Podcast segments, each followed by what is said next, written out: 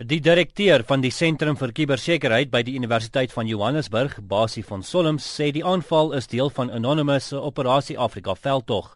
Die groep wil korrupsie in die Suid-Afrikaanse regering oopvlek. Ons kan verwag as ek nou hierdie ouens reg lees dat uh, ons in Suid-Afrika meer en meer kuberaanvalle gaan kry op regeringswebwerwe, maar ook maatskappye want maatskappye dink ek moet net so versigtig wees vir hierdie vorm van aktiviste of kuberaktivisme. 'n Kenner in kubersekuriteit, Jacques van Heerden, sê Anonymous het 'n swakpunt ontdek in die webtuiste van die regering se kommunikasiediens. Enige webwerf moet weekliks gesken word vir vulnerabilities en dan moet daar 'n update gegee word vir daai vulnerability. Nou met ons government sites word dit nie gedoen nie. En dit is wat Anonymous vir kyk. Hulle kyk vir daai vulnerability wanneer hulle hom kry, skryf hulle exploit code vir dit en hulle hack die webwerf en hulle kry dan al die data af of hulle download die database wat agter dit sit met username en password details in dit.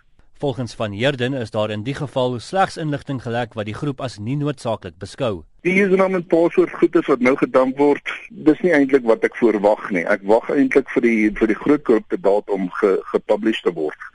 En ek glo nie anonymous gaan dit doen nie. Hierdie post wat hulle nou gee, is meerendeels data om te sê ja ons is in, maar as hulle op daai regte korrupte data kom, glo ek nie hulle gaan dit sommer net publiek maak nie. Hulle gaan eers iets anders daarmee doen en dan later, baie maande later sal dit uitgooi vir die publiek om te sê kyk dis wat gebeur het. Vir die gewone publiek beteken dit niks op die oomblik nie. Dis nie ons data wat uitgelek word nie. As daar 'n database is wat publieke data bevat en daai database word gehack deur Anonymous met 'n vulnerability, dan is al ons data uit. Van Heerden het verlede jaar aan Spectrum gesê dat meeste regeringsdepartemente nie hul kubersekuriteit ernstig opneem nie en dit blyk steeds die geval te wees. Daar is 2, 3 departemente wat baie ernstig is oor hulle sekuriteit. Dan is daar departemente wat net nie omgee oor websekuriteit nie. En hierdie is die departemente wat nou gevat word.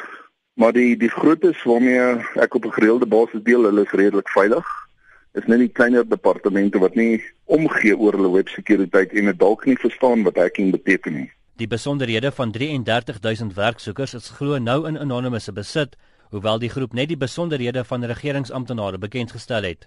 Ek is Justin Kennerly vir SABC nuus.